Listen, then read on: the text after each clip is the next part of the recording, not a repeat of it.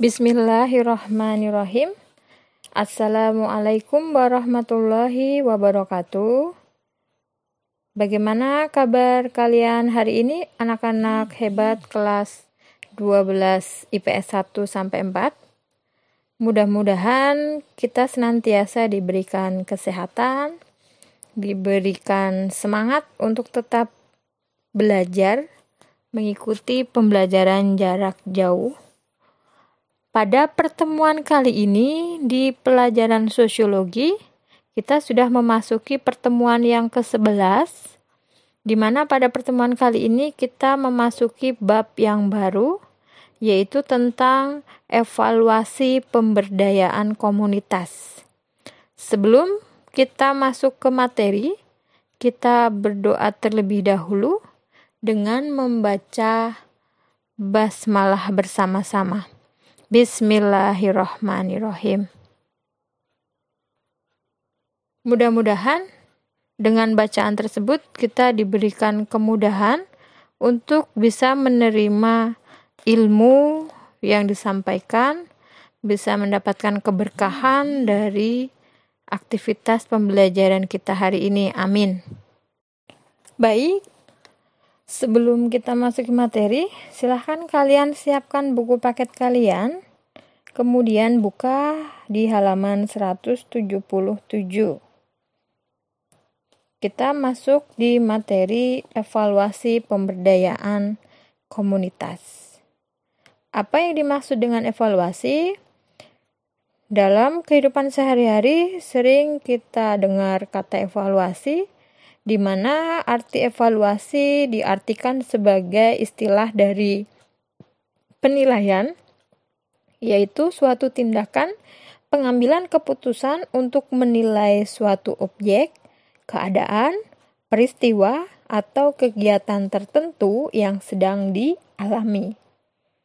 Oleh karena itu, tidak mengherankan jika tanpa kita sadari, setiap saat kita telah melakukan evaluasi dari setiap kegiatan yang sudah kita lakukan.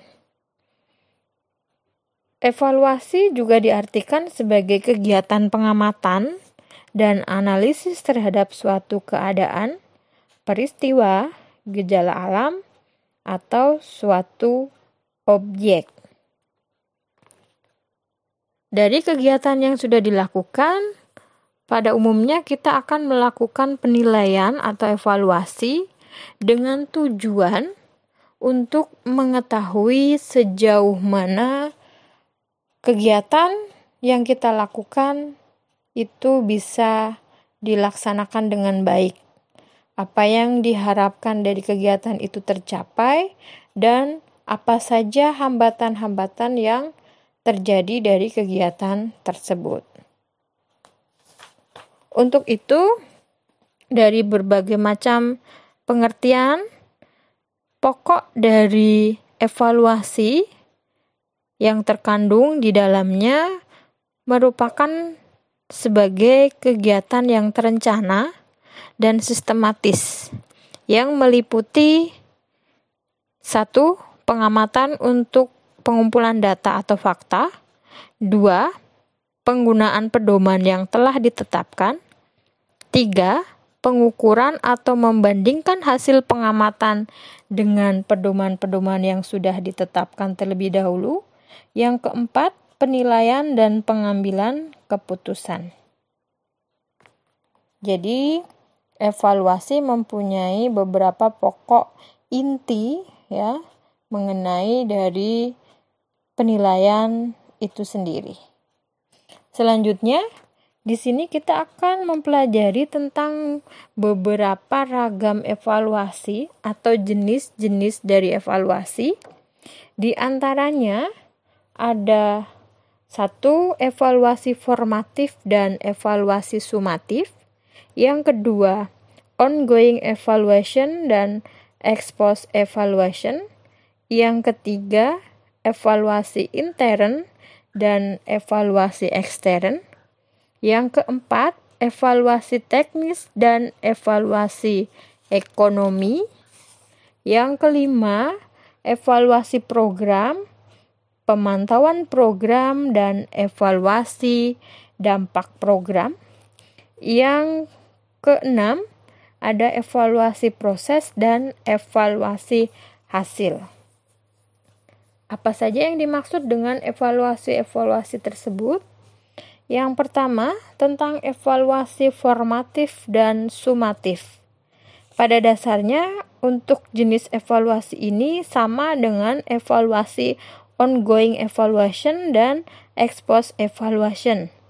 Di mana untuk evaluasi formatif adalah evaluasi yang dilaksanakan terhadap program atau kegiatan yang telah dirumuskan sebelum program atau kegiatan itu sendiri dilaksanakan. Jadi evaluasinya dilaksanakan selama program pemberdayaan itu dilakukan. Sama halnya dengan ongoing evaluation.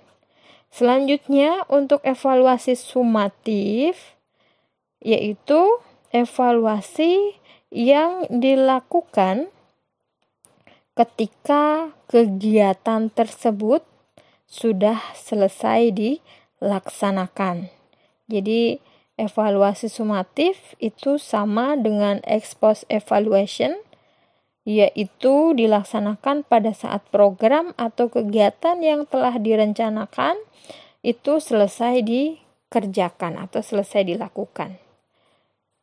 Tujuan dari evaluasi-evaluasi seperti ini adalah mengetahui seberapa jauh tujuan dari pemberdayaan sudah dicapai dan seberapa jauh terjadi hambatan atau penyimpangan di dalam pelaksanaannya. Sehingga dengan adanya evaluasi diharapkan bisa sebagai bentuk perbaikan ya atas kegiatan-kegiatan yang dilakukan. Selanjutnya kita masuk di evaluasi yang ketiga yaitu evaluasi intern dan evaluasi ekstern. Kalau untuk intern dan ekstern kita lihat dari pihak yang mengevaluasi yaitu untuk evaluasi intern Pengambilan inisiatif diadakannya evaluasi maupun pelaksana kegiatan. Evaluasi merupakan eh, orang-orang e, atau aparat yang terlibat langsung dengan program yang bersangkutan. Jadi misalnya ada administrator program, penanggung jawab program, pelaksana program ataupun orang-orang yang ada di dalam organisasi pemilik atau pelaksana program tersebut. Selanjutnya, untuk yang ekstern, evaluasi yang dilaksanakan itu adalah penilaian oleh pihak luar. Jadi di luar organisasi pemilik atau pelaksana program. Misalnya ada pengawas ya. Jadi untuk intern dan ekstern dilihat dari evaluatornya ya, pelaku dari evaluasi itu sendiri. Selanjutnya untuk evaluasi evaluasi teknis dan evaluasi ekonomi dilihat dari aspek kegiatan yang dievaluasi dikenal dengan adanya evaluasi teknis dan evaluasi ekonomi atau keuangan.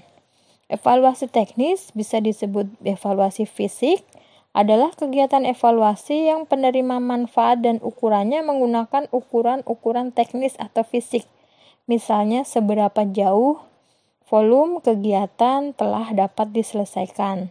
Seberapa jauh persyaratan teknis telah ditepati. Berapa jumlah orang yang terlibat oleh program yang dilaksanakan.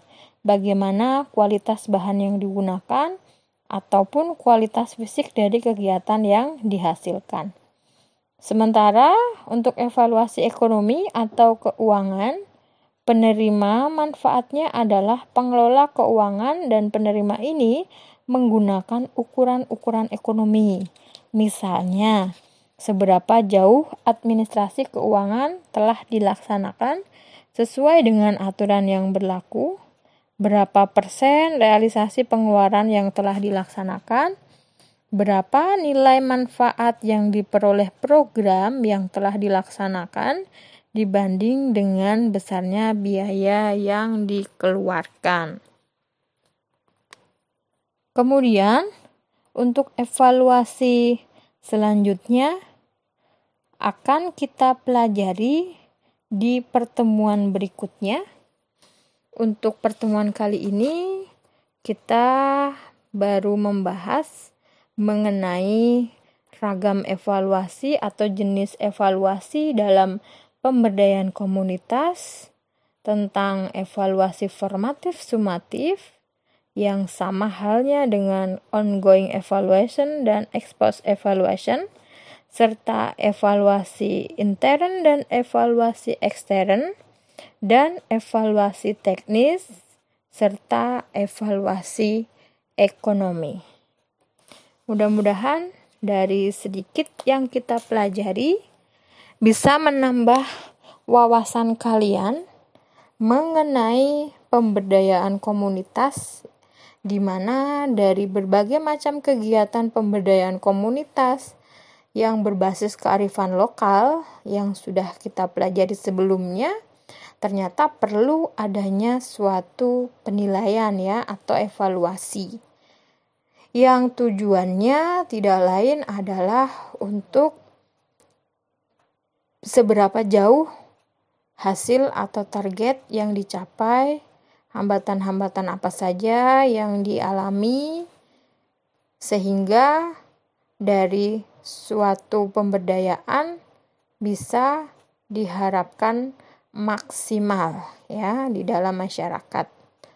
Baik, untuk kali ini pembahasan materi cukup sampai di sini dulu. Akan dilanjut di pertemuan berikutnya. Untuk pendalaman materi kali ini akan diadakan kuis di Google Classroom. Silahkan setelah ini kalian menuju ke sana. Di sana akan Ibu tuliskan soal untuk kuis hari ini ya sebagai keaktifan kalian.